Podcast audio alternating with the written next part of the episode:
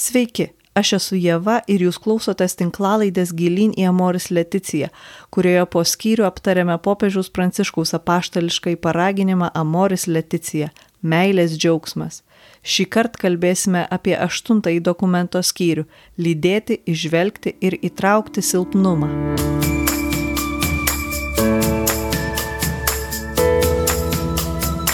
Vos išleidus dokumentą šis skyrius susilaukė daugiausiai kritikos ir sukėlė daug diskusijų. Jame primenama, kad nepaisant aukštų idealų, bažnyčia puikiai supranta, kad daugelis jos vaikų yra silpni, netobulai dalyvauja jos gyvenime, o bažnyčios darbas neretai primena darbo karo lauko ligoninėje. Skyriuje aptariamas laipsniškumas pastoracijoje, kai žmogus lydimas tame etape, kuriame yra, priimant ir lydint kantriai ir jautriai įvardinamos įvairios nereguliarios situacijos bei švelninančios aplinkybės mažinančios moralinę atsakomybę, kurios parodo, kad tam tikromis aplinkybėmis asmeniui labai sunku elgtis kitaip. Galiausiai kviečiama vadovautis gailestingumo logika, kuri padėtų skleistis bažnyčiai dėmesingai gėriui, kurį šventoji dvasia skleidžia tame, kas silpna. Skyrių detaliau aptarėme su edukologė, darželio mažutėliams vadove ir nukryžiuotojo Kristaus seserų kongregacijos seserimi Viktorija Voidogaitė. Esam jau aštuntajame Amoris Leticija skyriuje - lydėti, išvelgti ir įtraukti silpnumą. Ir pirmiausia, sesės Viktorijos noriu paklausti, kuo šis skyrius yra ypatingas, kuo jis išsiskiria, nes žinau, kad jisai tikriausiai yra skyrius sukėlęs daugiausiai diskusijų.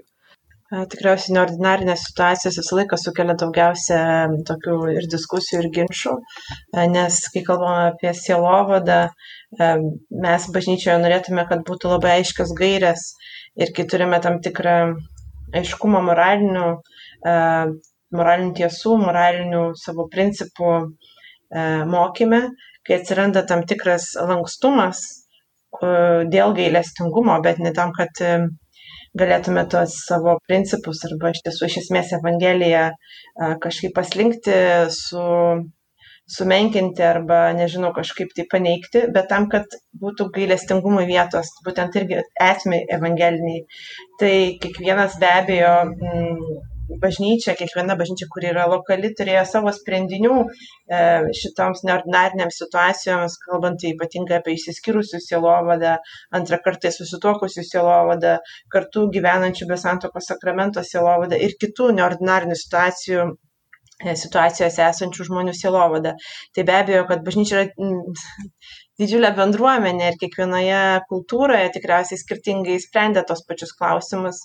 Kai kur buvo tam tikro kietumo, kai kur buvo tokio tokio atsipalaidavimo, pasakyčiau, kuris neįsipareigoja lydėti, tiesiog e, tinka, tegul būna tinkama visiems, bet iš esmės neįsipareigojimas lydėti ir toks nesirūpinimas, e, kuris sukelia irgi tokių tam tikrų konfrontacijų tada su tomis bažnyčiomis arba tais silovadininkais, kurie ima kiečiau, tvirčiau, kurie laikosi raidės kaip įstatymo ir kaip su šventa, su šventa e, knyga per durną galvą muša, žodžiu, taip yra toks posakis. Tai, vat, tai iš esmės tai buvo tokie žmogiški klausimai m, mm, apie, apie esminius dalykus, apie gailestingumą apie žmonių esančių neordinarinėse situacijose sielovada. Be jokios abejonės tai buvo pats aštriausias klausimas, todėl kad e, bažnyčia tikrai yra labai vieninga ir supranta šeimos e, situaciją, supranta jos grožį, ypatingą pašaukimą ir misiją. Ir štai atsiranda variacijų šeimos tema, kur mes pradėjom abejoti dėl tų variacijų grožio, e, žodžiu, tiesiog pašaukimo ir misijos.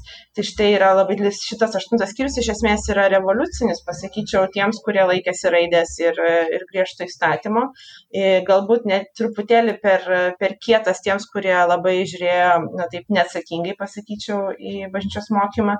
Jis toks yra aukso vidurys, toks labai jezuitiškas, labai, labai popiežiaus pranciškaus stiliumis, daug gailestingumo, išminties, bet vis dėlto yra pasakyta tiesa tiesa. Tai manau, kad tai, kad yra prieita sinodė prieita kad šitas skyrius atsirado ir jis yra tikrai, visi su juo sutinka.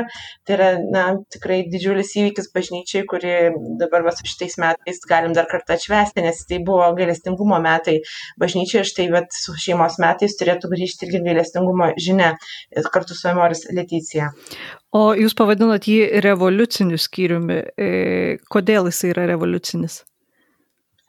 E, dėl to, kad bažnyčia mm, garsiai pasako tokį labai svarbų dalyką, kad nebegalima sakyti, kad tie, kurie yra neordinarinėse situacijose, gyvena nuodėmiai ir yra atsitolinę nuo malonės, nebėra malonėje. Tai yra tikrai labai žinia sena, bet e, garsiai pasakyta tai, kas buvo viduje suprantama, tai, ką kalba ir ką mes girdime Evangeliją ir ką kalba bažnyčios tėvai, bet štai pagaliau tai atrado tokį įgarsinimą. Tai revoliucija, kuri turėtų padaryti ne bažnyčios mokymę revoliuciją, bet mūsų širdise. Turi vykti revoliucija, gailestingumo revoliucija. E, šitam skyriui paskutinė e, tokia dalis yra apie gailestingumo logiką. Ir e, jūs irgi dabar užsiminėte apie tai, kad turi mūsų širdise įvykti ta revoliucija. Ir tik man įdomu, kaip atrasti tokį santykį, kad tas bažnyčios mokymas, kaip ir jūs pasakėt, nebūtų per švelnus, kad mes jau staiga nebepastebim tų žmonių, nebe, nu taip, ne per tiesiog jūs esat ir, ir mums gerai, ir jums gerai. Ir tada tas lydėjimas tampa nebe lydėjimu, o, o tiesiog tolerancija tokia tokia negražia šito žodžio prasme? Tai tikriausiai švelnumo per daug nebus niekada, jūs dabar klausėte, kad nebūtų per daug švelnų. Švelnumas visą laiką jis implikuoja a, tokius bruožus, kad jis yra pirmiausia žiūri kito gėrio, a, neskuba teisti ir apkabina su, ten, kur sužeista ir trapu. Mm. Tai yra švelnumas. Jis yra Marijos bruožas, bažnyčios motinos bruožas ir šeimų karalienės bruožas. Taigi taigi per daug švelnumo nebūna.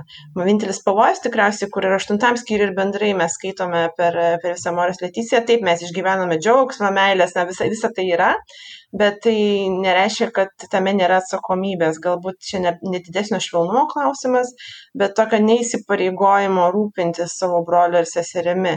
Ir kai kalbame apie įsipareigojimą, tai kalbame ir apie lydėjimą, tai reiškia tikslo turėjimą ir įėjimą į jį. Bet tai visiškai neturi nieko bendro su kito žmogaus stumimu, mm, kaip čia, vyjimu ar, ar tempimu į tikslą. Tai irgi, na, tame nėra prievartos. Švelnumas lydint yra tikriausiai pats, e, pats svarbiausias dalykas. Iš kitos pusės e, švelnumas implikuoja kantrybę. Tai man atrodo, kad kai kalbame tolerancijos klausimais, tikriausiai man, man tolerancija yra toks minimumas, šitame dokumente net neminimas taip dažnai, visiškai, nes tai yra toks minimumas kantrybė ir švelnumas, broliškumas arba sesiriškumas, šeiminiškumas bažnyčios yra dalykai daug toliau paėję už toleranciją. Ir kai kyla klausimas tiesiog tolerancijos lygmenyje, tai yra, na, praktiškai mes kalbame apie tokį minimumą, kuris ne, neapima, neapima Evangelijos, neapima Dievo žodžio, neapima neapima bažnyčios misijos ir, jo, ir Dievo minties jai. Užsiminėt apie lydėjimą ir šitas skyrius irgi e, ir vadinasi ir kalba apie lydėjimą e, šitose netradicinėse situacijose. E, tai man kyla klausimas, į ką mes lydim, nes aš esu girdėjus, kad lydėti bažnyčioje pagrindė reiškia lydėti į sakramentus. E, ar tai būtų vaikus lydėti jų visoje įkrikščioninimo tokio istorijoje link sakramentų, ar vėliau lydėti žmonės link sakramentų jau šventimų ar, ar santoko sakramento. Mes kalbam apie žmonės, kurie tarsi, e, nu, vat yra ypatingos situacijos, kurios tarsi kartais ir negali priimti sakramentų, į ką mes juos lydim. Tai kai mes e, turime tikslą ir kalbame apie evangelinį požiūrį, e, apie lydėjimą, taip kaip Jėzus eina su mokiniais į Amausą, e, jisai yra Jėzus. Jisai ateina taip, kad jie iš karto jo net pažįsta, bet duoda signalą ir nekalba Dievo žodį, skait, iš esmės jiems paskelbia Evangeliją ir štai yra duonos laužimas ten, kur jie yra. Jis eina iš Jeruzalės, daugybę stadijų pakeliui, jis eina, praeina visą tai, ką išgyvena mokiniai, kurie eina į priešingą pusę nuo Jeruzalės. Visiškai grįžta į savo įprastą gyvenimą, eina į savo tikslą. Tai, kai kalbama, yra tas, tas palaipsnis lydėjimas ir vien, pirmoji pakopa, tai yra tu esi su žmogumi ten, kur jis yra. Ir tikslas nėra tiesiog eiti į tikslą, kartais išeina ir Dievas, iš tikrųjų, jeigu žiūrėsime ir mūsų gyvenimą, ir šventų šeimų, kurios neturi neordinarinių situacijų, tai vis tiek yra zigzagais. Tai Dievas eina su savo žmogumi ir tikslas iš tikrųjų, nu, yra Evangelijos skelbimas, jeigu reikia žodžiais, kaip sako Šventasis Pranciškus, jeigu būtinai reikia, tai žodžiais. Bet e, tikriausiai neordinarinės situacijos reikalauja ir neordinarinio skelbimo, tai yra pirmiausia meilės ir gailestingumo prisilietimo, gydančių prisilietimo. Ir e, antras dalykas, taip, tai yra sakramentai, tai yra ypač kalbant apie Eucharistiją, tai yra bažnyčios tiesiog viršūnė. Ir mes tokia tikrai, katalikų bažnyčia yra tokia kontemplatyvi, tą savo viršūnę vis žiūri ir žiūri, žiūri į Eucharistiją, tai yra labai gerai. Ir aš labai viliuosi, kad laikui bėgant tai nepakis. Bet iš kitos pusės Jėzus laužo duoną ten, kur yra tie žmonės, jų situacija ir kai sakė, jūs mažatikiai, kokios nerangės jūsų širdis tikėti. Nu, va, tai visai kompanijai, va, tiems dviems ir va, kažkur jie sėdėjo užėgoje, tai vis įsivaizduoju, kad vyko Eucharistija užėgoje. Kaip pagalvoju, skandalas, Jėzus užėgoje. Nu, Bet mes taip biški pamirštam, kad evangelinė logika ir mūsų, mūsų supratimas apie bažnyčią ir tvarkoje ordinė, reiškia neordinarė situacija, reiškia kitos tvarkos situacija, e, priešingai mūsų suprantamai situacijai reikalauja neordinarinių, ne tik, kad reikalauja, bet tas toks meilės reikalavimas yra iš mūsų reikalauja eiti ten su žmonėms, kurie yra. Tik mes, mes lydime visada einam pas Jėzų, klausimas yra, kokiu, nu, tiesiog kokiais zigzagais eisime. Ir jeigu galvosime, kad a, bažnyčios darbas iš esmės yra ministruoti sakramentus, tai yra kunigų pašaukimas ir jie tą daro ir kad hetai taip pat ruošia, bet bažnyčia, nu, pagalvokime, sakramento prieimimas yra pradžia gyvenimo krikštas yra įvedimas į krikščionišką bendruomenę, tai yra tik pradžia, tai nėra rezultatas, į kurį vedama. E, kai kalbame apie Eucharistiją, tai yra gyvenimas su, su, su toje sąjungoje su Kristumi ir su bažnyčia, tai yra pradžia arba dienos, arba, arba arba bendrai mes ruošiam vaikus tai pradžiai, tai nėra, kad nu, galiausiai pasiekia tikslą ir viskas pasibaigia, tai jie ir išeina iš bažnyčios, nes mes taip juos ruošiam išeiti. Mes ruošiam pasiekti tikslą ir išeiti. Santoka yra tada išeina graži šventė, bet yra pradžia su tokio gyvenimo turėtų būti, mes atlydėme iki santokos, o paskui Dievas jums padės. Iš esmės mes turėtume kalbėti apie palidėjimą ir po to, kai jie atėjo į tą pradžią. Taip, Euharistija yra viršūnė, bet jinai yra visada pradžia visada pradžia ir visą laiką reika, reikalinga palidėjimo. Tai neužsimiršti to santokos sakramentas, kunigystės sakramentas yra pradžia. E, brangus broliai klerikai tokie laimingi būna per šventimus, sako, pagaliau įvyko. Taip, įvyko pradžia, dabar prasidės iš tikrųjų visas kunigiškas gyvenimas ir visi kiti sakramentai, įskaitant ir ligonių patipimą, kuris yra taip pat pradžia arba sveikimo, arba tos, ta pradžia, kuri jau neturi pabaigos. Ir nu, žiūrėkime iš tikrųjų ne kaip į tikslą, kaip palidėti sakramentus ir viską sutvarkiam, nes čia dar biškai toks močiučių mūsų su visa meilė, močiutėms dėl jų mes turim tikėjimą, e, žodžiu, bet tai nu, reikėtų išeiti iš tos, e, to, tokio požiūrio. Kai kalbame apie santokos pilnatvę, kai kalba būtent šitas skyrius ir, ir ir tikriausiai pats dokumentas, tai kalbama, kad mes lydim iki to, bet gali būti, kad lydėsim žmonės, žmonės visą gyvenimą, kad gali būti, jie neprims visą gyvenimą to sakramento, bet tai nereiškia, kad Dievas neveikia jų gyvenime. Ir jeigu mes net pažįstame to veikimo ir užsicikliname ant to, kad reikia nu, vat, nuvyti iki, iki, iki altoriaus, mes galime padaryti dalyką, kuris bus priešingas tam sakramentui, gali nebelikti laisvės ir iš esmės tas uh, projektas bus negaliojantis. Tai toks, tokia jautri situacija. E, iš tikrųjų, buvo laikotarpis Lietuvoje, kai nebuvo jokios kitos galimybės susituokti, tik tais priimti santokos sakramentą. Tai kai kurie žmonės, kurie, žodžiu, visiškai buvo be tikėjimo, buvo priversti priimti santokos sakramentą ir tada atrodo, santokų buvo labai daug, e, bet iš esmės ar, ar, tai, buvo, ar tai buvo tos santokos, apie ką, apie ką kalba, tos pilnatvės, apie ką kalba Moris Leticija. Jūs užsimenat apie ordinarinės ir neordinarinės situacijas. Gal galim taip trumpai išsiaiškinti, kuo jos skiriasi? Ordinarinės e, situacijos, na, bažnyčia bendrai mėgsta tokius visokius žodžius, reiškia tokius e, man, man, mandrus, kad, būtų, kad, būtų, kad, kad patiems, kurie rašo dokumentą, būtų aiškiau ir kad viskupai paskaitė, suprastų, jie ten turi kodinius savo pavadinimus ir, žodžiu, va, o paskui, o kad, žodžiu, kad tik draugai suprastų, o priešai ne, ne, neįkirstų, žodžiu, o tams, tams jie liaudžiai paaiškinsime.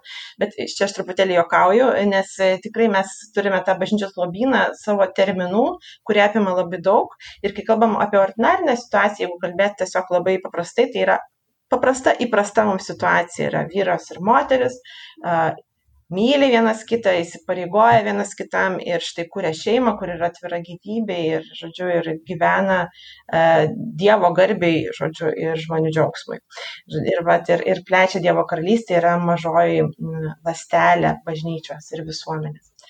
Neordinarinė situacija yra tada, kai trūksta kokios nors iš šitų sąlygų nuo pat pradžių mano vardintų, tai tada yra labai neordinarinė, kartais radikaliai mums atrodo neordinarinė situacija, net tarkim, yra daug, šalių, kur uh, vyras uh, turi ne vieną sutoktinę, uh, nors tai yra teisiškai įmanoma, ar ne.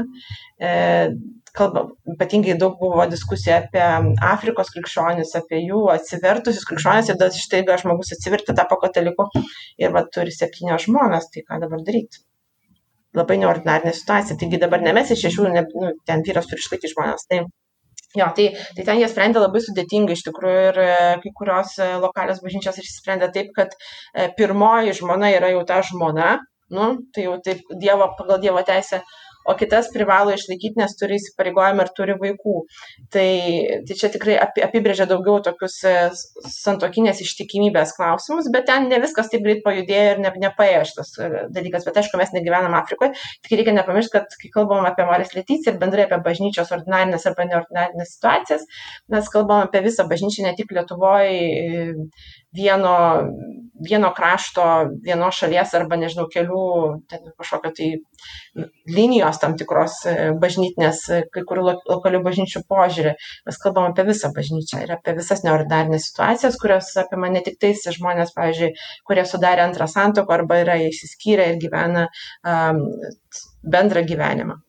Tai labai plačiai apima iš tikrųjų ir nu, mes, aišku, taip pat Lietuvoje norėtume kalbėti tik tais apie apie ką mes norėtume kalbėti apie išsiskyrusius ir antrą kartą susituokusius, nes mums čia labai svarbu ir įdomu ir, žodžiu, apie tos, kurie gyvena kartu, nes niekaip neįsipareigoja, nors, e, na, žodžiu, tiesiog gyvena, turi bendrą ūkį ir, ir, ir, ir tokį šeiminį santokinį ryšį, nors e, niekaip nėra įtvirtinę. Ir kalbame va dabar čia labai plačiai kalbame apie tai, kad kaip čia dabar, va, kai yra labai neordinarinė situacija, kai yra tos pačios lyties asmenys.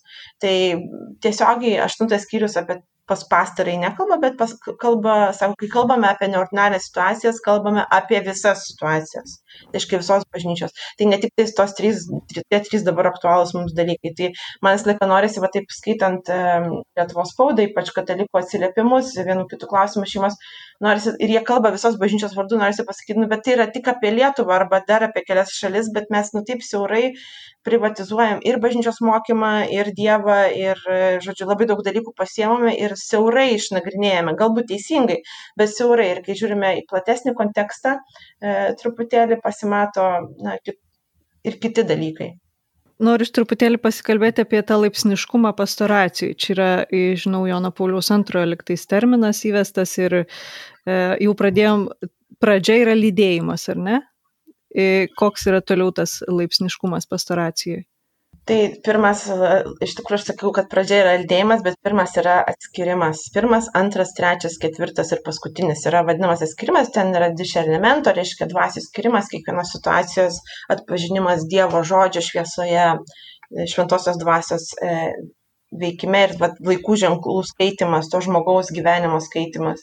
Tai tikriausiai tas lydėjimas atpažįstant kiekvieną specifinę situaciją, lydėjimas to žmogaus keliu ir gyvenimu, kur Dievas jį įdėjo, jam paskyrė ir, ir padovanojo, lydėjimas per jo kančią, niekaip nestumint ir nemenkinant ir neteisėt, nepamirštant, kad neordinarinėse situacijose žmonės gyvendami na, mums neįprastą formatą, gyvenimo formatą, labai kenčia daug vienatvės stumimo ir tokio nesupratimo.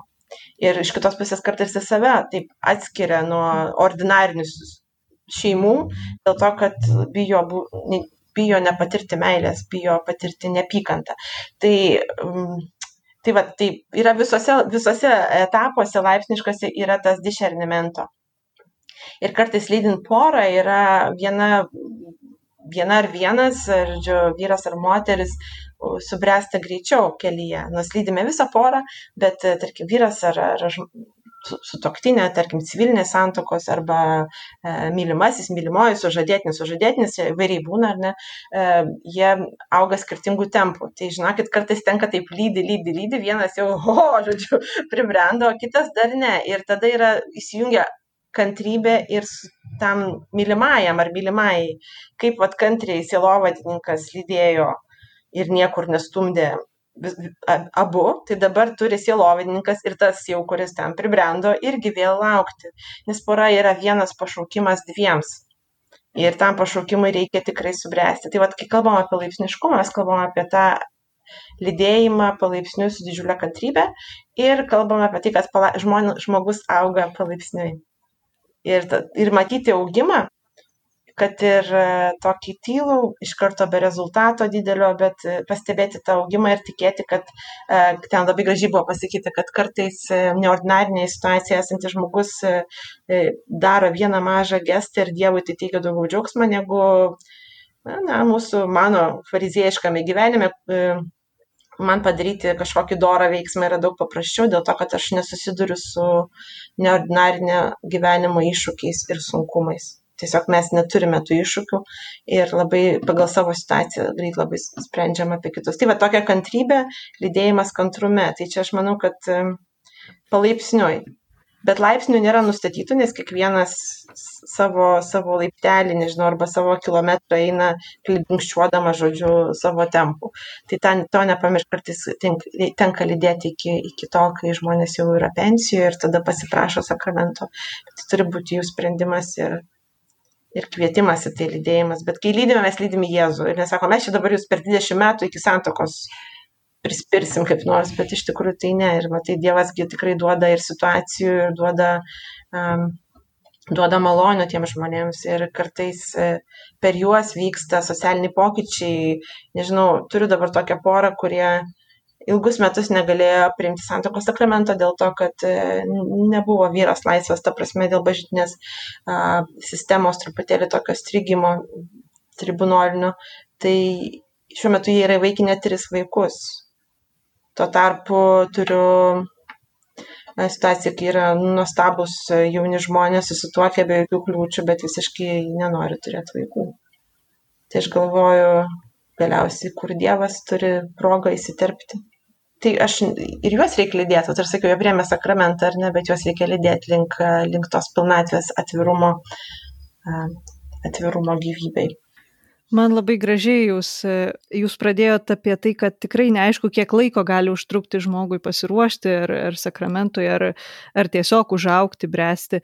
Ir aš galvoju, ar nėra taip, kad mūsų to įprastiniai sielovadai, sakykime, su tom ordinariniam situacijom mes irgi E, pavyzdžiui, nustatom terminus, kad ir sužadėtinę pasiruošti ten šeši susitikimai ar aštuoni susitikimai ir tai turėtų būti gana. Ar čia nėra kažkokie rėmai, kuriuos uždedam, kurie, nu, va, tarsi per šitą laiką tu turi būti pasiruošęs priimti sakramentą santokos? Visada yra tam tikri rėmai, nes e, gyvename laikė ir kai sužadėtinė ateina, kartais gal išmintinga yra pasiūlyti jiems dar palaukti, bet mes labai jau čia kaip šitos kaip žebenkštukus jos gaudom, kad negyventų susimetę, nu taip ne ūkiškai kalbant. Tai, tai begaudydami tuos, reiškia, kad negyventų nuodėmiai žmonės, tai mes suskubinam iš kitos pusės, tai yra toks minimumas aštuoni susitikimai ar, ar daugiau, kaip kurie ruošia ir turi ilgesnius kursus, bet tie kursai yra jau tiesiog tada, kai žmonės yra sprendę. Toks yra paskutinis, paskutinis pasirengimas tai naujai pradžiai. Tai nesvarbu iš tikrųjų, kiek yra tų e, kursų susitikimų, svarbu, kas vyksta tuo metu, nesusitikimų e, teorinių paskaitėlių metu tenais įvairiom temom, bet kad žmonės tarpusavėje kalbėtųsi, kalbėtųsi su savo sielovadininku, aš nežinau, ar poras lydi kunigas kiekvieną porą atskirai, manau, kad ne. Ir tą subrendimą abiejų ir laisvę. Nes yra labai daug bylų, aš nebuvau laisvas, nenorėjau ir taip toliau. O Tai paklausiu tiesiog jūsų asmeninę nuomonę, labai gražus tas, kad gaudom kaip šebenkščiukus. tai e, kaip jums atrodo, nes mes su vyru turėjom šitą diskusiją, ar geriau e, žmonės nu, skatinti negyventi susitokus ir nu, e, skatinti juos tuoktis, priimti sakramentą, ar e, nespausti, kai iš esmės žmonės nėra nu, bažnytiniai ir matosi, kad jie nėra, net nesupranta kartais, kas yra sakramentas. Aš pati galvoju taip, Dievas yra visada daugiau negu mes suprantame, visą laiką jo gailestingumas yra, na, žodžiu, kai mes bandom išsemti jūrą, žodžiu, lauk iš, iš jos, žodžiu, kaip sako Šventasis Augustinas, kad suprastume, koks neišsemiamas Dievo gailestingumas ir mes jau galvojam, kad čia, nu, kažkaip, žodžiu, ne bažnytiniams reikia, nu, neduoti, trumpai kalbant, žodžiu. Bet Dievas, e, kviečia žmonės į, į santoką, kur yra prigimtinis dalykas, dar iki sakramentinis dalykas. Ir žinokit, galiojančių santokų buvo prieš tai, kai buvo įsteigti, įsteigti sakramentai. Tai, va, tai žodžiu, jis įkviečia ir jeigu žmonės turi troškimą tuoktis ir gyventi Dievo artumoje, Tai mano asmeninė nuomonė yra tokia, reikia juos ruošti, jeigu jie yra laisvi, jeigu supranta, ką daro, koks tai yra įsipareigojimas ir kad Dievas laimina ir jie viens kitam teikia sakramentą. Tai labai svarbu, nes ne mes čia dovanojam ir duodam, vėl čia toks mes labai norim administruoti, sutvarkyti, žodžiu, sudėti, bet jie viens kitam teikia sakramentą. Nu, bet čia tik išeiti iš tos logikos, kad čia bažnyčia gali kažką. Tai jeigu jie tą daro bažnyčia, jeigu jis supranta, ką veikia čia nais, tai bažnyčia laimina, o Dievas pripildo, nes niekas nėra tobulai pasiruošęs santokos sakramentams, nei amžinies, sakramentui, nei amžiniesiams įžadams, nei šventimams. Jeigu dary, šventintų tik tais vertus, tokius tobulus, arba e, tuoktus tik tais e, tokie tobulai pasiruošę santokai žmonės, tai Tai mes turėtume šventimus ir santokos labai tokiam vėlyvam amžiui. Prieš mirtį. Susitokiam ir numirštam tada. Taip, nes, nu, tada tobulėjo, be, bet kaip man puikybė mir septynios minutės išgaruos po mūsų mirties. Tai čia, tokia, čia toks juokas, aišku, taip nėra, bet, nu, neilgai laikosi. Tai tobulai esame nepasiruošę. Iš kitos pusės, kai yra poros, kurios nori tiesiog gražių nuotraukų bažnyčioje, tai reikia na, pasakyti, kad, žodžiu, yra visokių variacijų nusifotografuoti kitur nu nebijoti tokio ar ne tokio vat atskyrimo nėra vienos taisyklės ir net vat mano mano pačios požiūris yra toksai labai žiūrėti į tą porą. Jeigu yra troškimas ir jie viens kitam nori įsipareigoti visam gyvenimui tai be abejo iš kitos pusės jeigu yra tiesiog dėl gražių nuotraukų arba mama liepia arba močiutė supyks tai tada nu aišku kad ne aš jūs kai klausau, tai man atrodo, kad man peršas išvada, kad viskas susiveda į tokį asmenišką labai patyrimą, asmenišką santykį ir kiekviena situacija yra, tarsi mes net ir kalbėdamos apie visas pačias įvairiausias situacijas vis tiek neišgimdysim kažkokio visiems vienodų taisyklių, kalbant apie kas čia pasiruošęs, o kas nepasiruošęs. Aš tikrai sutinku su jumis ir iš kitos pusės tai Dievas duoda dovanas malonės. Jeigu, aišku, kad dovaną priimti reikia pasiruošti, iš kitos pusės tai yra dovana, jeigu bandysime užsipelnyti dovaną, jinai nustoja būti dovana. Dar norėčiau truputėlį kalbėti apie tą, ką sielovadoj reiškia išvelgti. Jūs šiek tiek užsiminėt ir čia e, tas žodis, ar ne, jau toks discernment, aš visą laiką galvau, kad nu, mums reikia dar pagalvoti gerai apie jo vertimą, ar tas išvelgti yra tikrai tinkamas jo vertimas. Tai ką reiškia sielovadoj išvelgti? Tai dirbti sielovadinį darbą iš esmės ir yra visas silovinis darbas yra išvelgimo darbas. Discernimento e, yra terminas, kuris iš esmės reiškia dvasios skirimą, ateina tikriausiai daugiausiai iš jezuitiškos tradicijos, bet galioja visai bažnyčiai. Ir e, buvo visokių variantų vertimui, nes aš truputėlį buvau įsitraukusi šitą klausimą, kai vertė vienuoliams skirtus dokumentus per vienuolinius e, metus. Ir, na, buvo visokių variantų, bet lietuviškai, na, iš tikrųjų nėra atitikmens. Mums reikia padaryti taip. Reikia naudoti žodį ir suprasti visą, ką jis apima. Tada na, galim naudoti ir tiesiog skaičių. Na, iš tikrųjų, tikrai taip galima daryti. Na, tiesiog susitarti, nes na, nėra to žodžio, kuris, vat, kaip kitomis kalbomis, kad ir itališkai jisai, na, vat, jau turi savietą tokį. Na, turinį, kur tu pasakai ir iš žodžio konstrukcijos, iš jo šaknies jau uh, dvelkia. Tai, va, tokia vat, neordinarinė situacija mūsų vertime. Neturim tokių kietų terminų, bet, bet iš tikrųjų nereikia išsigąsti, nes svarbu ne tiek gerai pavadinti, kaip gerai atlikti. Tai kai kalbame apie sielovadą, pavyzdžiui, šventųjų sielovadą, tai dabar, ne, kai, tai labai svarbus asmuo šventųjų e, gyvenime yra dvasios tėvas. Pastebėkite, aišku, daugiausiai šventieji, tai mūsų jau dabar biškai geriau, e, bet prieš tai buvo tokia situacija, buvo vienuoliai, visokie viskupai, kunigai, nu, žodžiu, šventas sielas ir, ir nu, dabar pamažu mamos atsiranda, šeimos, žodžiu, taip kažkoks, bet vis tiek jie visų jų gyvenime, jeigu skaitysite jų uh, biografijas, uh, atlieka labai svarbu vaidmenį uh, sielovadininkas, dvasios tėvas arba dvasios motina, na, nežinau, gali būti, dabar mes esame 21 amžiuje, situacija su tėvais ir motinomis yra ganėtinai sudėtinga, nes ne visi pasiruošia būti tėvais dvasios, ne visi nori būti dvasios motinomis. Nu, žodžiu, taip pat yra, net ir tarsi lovininkai nori būti dvasios broliais, nes nu, gerai supranta, kad čia jau dabar tą žmogų gimdo maldoje, bet iš esmės jis eina pats ir lydi, nu, yra tokio visokio pasvarstymo, bet esmė lieka ta pati. Žmogus ateina su savo gyvenimu, e, mes dedam tą gyvenimą Dievo akivaizdoje, pradavę maldą ir lydime maldą iki kito susitikimo kai reikia daryti sprendimą arba tiesiog, kai reikia išvelgti situaciją, išvelgti dalykus iš esmės yra. Išvelgti Dievo veikimą, Dievo vedimą, Dievo valią ir e, tai, kas žmogui yra geriausia tuo metu. Jam ir, aišku, bendram gėriui, kas yra, nu, tokį, va, daryti atskirimą dvasių, bet ne kas iš ko ateina, iš kur tas atplaukia, žodžiu, tokia mintis arba toks sprendimas. Bet, tai va, tai, bet iš esmės tai atlieka pats žmogus na, su Dievo pagalba. Ir tas įrankis, dvasios tėvas ar dvasios motina, nežinau, kitas palydėtojas, nu, gali būti dabar tikrai ir pasauliečiai labai gražiai tą tarnystę atlieka. E, yra, yra tas įrankis Dievo rankoje, bet jis ne, turi nepiknaudžiauti ir, žodžiu, netapti Dievo rūporų. Tai išvelgti reiškia, kad abu yra vargšai Dievo akivaizdoje. Ir čia ateina pas mane žmogus, aš tai kaip išvelgsiu, iškart matau keurę, dar neėjo pro duris, jau žinau, ką daryti. Tai žodžiu, su, tokiu, su tokia nuostata čia šaržuoju, bet tikrai kartais ateini pas profesionalus dvasios vadovus, tai šitie patys pavojingiausi, nes jau kurtumas Dievui yra. Nes vargingumo išgyvenimas, išvelgimo procedūroje, kaip pasakyčiau, yra pats svarbiausias, nes ir pats žmogus pasakoja, nežinodamas tam tikro Dievo minties to klausim, bet ir lydėtojas yra, netgi silovadininkas parapijos yra ir, ir truputėlį kurčias Dievui. Yra akla situacija. Ir tada dišelemento metu, tai yra žvilgimo to atskirimo metu, yra Dievo šviesos gauname. Ir kartais dažniausiai, kartais tai prakalba per dvasios tėvą, bet labai dažnai tai yra pats žmogus atpažįsta dvasios vedimą ir tiesiog įgarsina.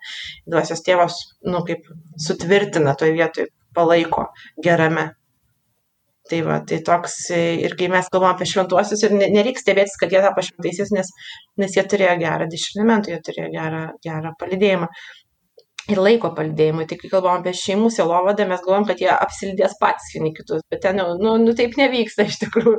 Jie irgi turi turėti lygiai taip, bet mes kalbam apie visuotinį pašaukimą į šventumą, reiškia visi visi pašaukimai yra puikiai derantis tame, pašauk, tame pašaukime į šventumą, visi turim bendrą šventumo pašaukimą.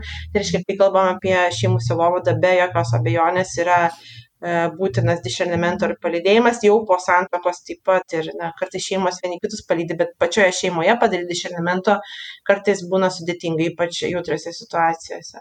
Tai va, ir tada yra pavojus, kad katalikiškos šeimos, kurios ilgai gyvena santokoje, jiems nuskilo, žodžiu, tenais praeiti tam tikrus išbandymus ir viską, e, jie tada pradeda truputėlį su tokia nauja gaida kalbėti apie kitus, kuriems taip gerai nesiseka. Žodžiu, tokia biškai fariziejiška gaida. Ir iš tikrųjų, nu, šių laikų naujai fariziejai yra šventos šeimos, kurios viską daro labai gerai. Kunigai jau dabar kaip ir nebeturi savo tos šlovės turėtos, nes bažnyčia čia nugesinti, nes ir tai jiems suteiks, aš manau, čia bus nauja jėga ir naujų pašaukimų sėkla. Vienuoliai visą laiką truputėlį tokie, nu, nu ką tai iš tų vienuolių, jie tokie dievo, dievo kvaileliai jau išsinėję, žodžiu. O, ir, nu, o šeimos yra dabar taip, yra nauja jėga, kuri gali padaryti didžiulį nuostabų darbą bažnyčiai ir manau, kad yra labai daug vietovių, kur taip ir vyksta. Tai šeimų judėjimai iš kitos pusės yra pavojus į puikybę ir į farizėjiškumą ir tada į neordinarinę situaciją žvelgti iš aukšto be gailestingumo. Ir tą pačią akimirką Dievas nusigrėžia tą pačią akimirką, kai daroma iš puikybės ir iš fariziejiškumo, Dievas, nu, yra evangelinės vieta, sako, muitininkas nuėjo namų nuteisintas, ne fariziejus. Tai mes galim susirinkti, nežinau, penkios šeimos su tuo pačiu požiūriu į kokią nors mums šeštą šeimą nepatinkančią ir tuo pat metu mes nebegyvename Dievo karalystėje. Nu, va, toks. Bet čia galioja visiems, ne tik šeimoms, bet tai tas pats ir su kunigais, ir vienuoliais, ir vienužiais, kurie šventai gyvena. Žodžiu, šventumas yra toks nu, pavojingas dalykas. Noriu dar paklausti šiek tiek e, kitos temos apie išsiskyrusius, kaip ir jūs minėjote, čia tikrai yra mūsų Lietuvos toksai kontekstas ir e, kadangi gyvenam Lietuvoje, tai noriu ir paklausti apie tai, kaip labiau įtraukti išsiskyrusius į bažnytinę bendruomenę, padėti jiems išgyventi bendruomeniškumą. E, koks tai būtų kelias?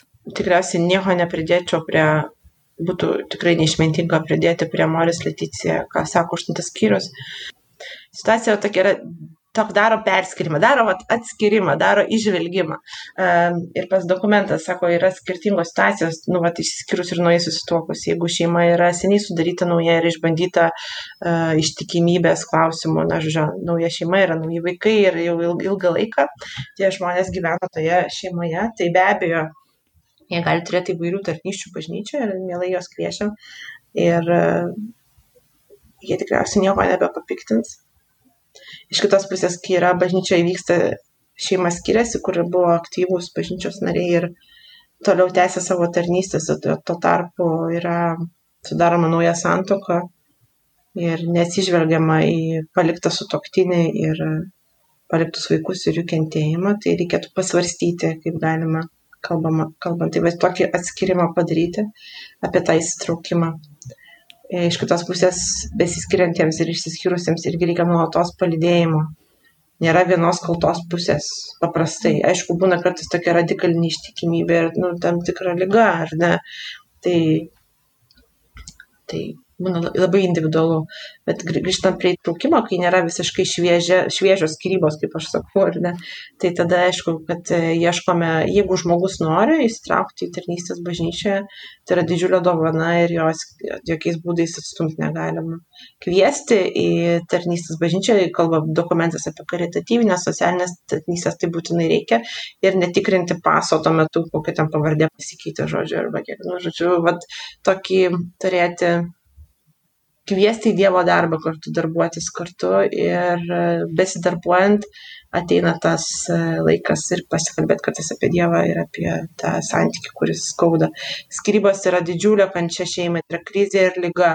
Ir e, tiek vyras, tiek moteris, tiek vaikai visi yra traumuoti. Tuo metu ir aišku, jeigu bažnyčia bus vieta, kurie nebegali ateiti, nežinau, nes, pavyzdžiui, su toktinė yra vargonininkė, nežinau, bažnyčioje ir sutaknys nebegali ateiti, nes visą laiką ten gėda ir apie jį blogai kalba, tai jau nu, labai blogai, ar ne. Iš kitos pusės gali būti priešingai, ar ne, įsitraukia sutoktinis ir e, moteris nebeina pati ir nesiveda vaikų. Tai yra didelė žala daroma, tada reikia sėsti ir kalbėtis, ką darom. Tai iš esmės kai kalbam apie antrą kartą susituokusius ir staiga išdygusios bendruomenėje ir, žodžiu, entuziastus, kurie, žodžiu, labai nori padėti, tai be abejo, valio, valio, žodžiu, priimam ir, ir, ir, ir draugaujam su, su tiesa apie, apie tai, koks yra bažnyčios mokymas, bet iš kitos pusės liūdėdami gailestingumą ir priimdami jų iniciatyvą ir priimdami Dievo iniciatyvą per tuos žmonės. Paskutinis gal mano klausimas būtų e, apie tą, dar kartą apie tą gailestingumo logiką, tokią širdies nuostatą išvelnumą, bet ypatingai gal noriu klausti apie e, sielovadininkus, nes tai, ką mes kalbėjom, dabar tai atrodo vis susiveda į tai, kad e, kažkas lydi, kažkas išvelgia, kažkas yra, nu, va, tas sielovadininkas.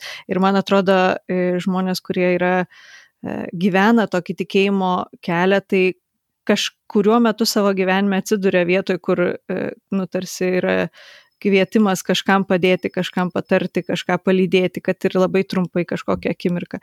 Ir tai va, kaip atrasti ir kaip išlaikyti tą širdies tokią nuostatą į švelnumą ir į gailestingumą, o ne į e, kietą kumštį, kad taip yra parašyta. Tikriausiai vėl tai labai individualu yra kietas kumštis yra saugumas. Nu, nereikia labai stebėtis, kad, kad mums saugu yra mūsų normose ir, ir susitarimuose, pasakyčiau taip, tam tikrose. Tai mums yra saugu ir nesi, be bažnyčia tuo ir labai patraukli yra, kad yra aiškus dalykai, kurie nesikeičia. Tai pirmas dalykas reikia suprasti patiems save, kad mums gerai yra, kai nesikeičia ir mes ir norėtume, kad niekada niekas nepasikeistų. Ir pažiūrėkit, kiek būna skandalų, kai keičia kleboną, žodžiu. Tai nu, tikrai mes norim, norim visą laiką tų pačių žmonių, tų tos pačios bendruomenės, norim tų pačių normų, visą laiką norim, kad mums būtų saugu. Tai man atrodo, man padeda tai suprasti, kad kai vyksta pokytis, tai neužkėtin širdies. Neužkėtin širdies. Ir tada, nu, tiesiog dirbsiu savo charakteriu labai daug duoda darbas su charakteriu. Iš esmės darbas, nu, grįžtam prie senų gerų darybių. Nu, užkėtina širdį, tai ne tik tai žvilgsnis į kitą, jau aš pradedu kreivai žiūrėti kitą, kai jau mano kiti dalykai, procesai širdyje yra tam, nu, užkėtėję, ar ne, nu, tai jau tada mano žvilgsniai atsiranda. Jau kai yra rastas, tai jau jisai ten, ne, nu, jau yra. Ir kai širdis medinė, tikėkime, arba akmeninė, tai vyko pamažu, jinai kėtėjo. Tai vad dirbti nuo to su savo charakteriu, kad uh, ir negundyt vienas kito į kietumą, nes kartais mes bendrininkaujam tame kietume, vat mano kieta širdis, tai štai ir tavo kieta širdis, tai jeigu mūsų abiejų kieta širdis taip pasakė, tai teisingai taip ir yra. Tai kad e, vis dėlto mes galėtume to išvengti, e, turime dirbti su savim, turime dirbti su savo bendruomenėmis ir turime vis, vis leisti sudaužyti savo širdį toms naujiems dalykams vis, visiems toms naujovėms, kurios ateina. Iš kitos pusės gailestingumas yra, dokumentas sako, gailestingumas nėra apie romantiką. Gailestingumas yra apie širdies nuostatą, kuri pareikalauja iš manęs, iš mano širdies kraujo, pareikalauja gyvybės. Tai va tokia mirti už kitą iš esmės. O kantrybė yra ta vieta, kurioje, kurioje mes mirštam savo kad gyventų kitas, man nesimpatiškas, nepatinkantis, kitoks, pasikeitęs. Jūs klausėtės tinklalaidės gilin į Amoris Leticiją. Kita kartą paskutinį dokumento skyrių apie santokinį dvasingumą aptarsime su broliu Mišeliu iš Tibiriados bendruomenės. Garbė Jėzui Kristui.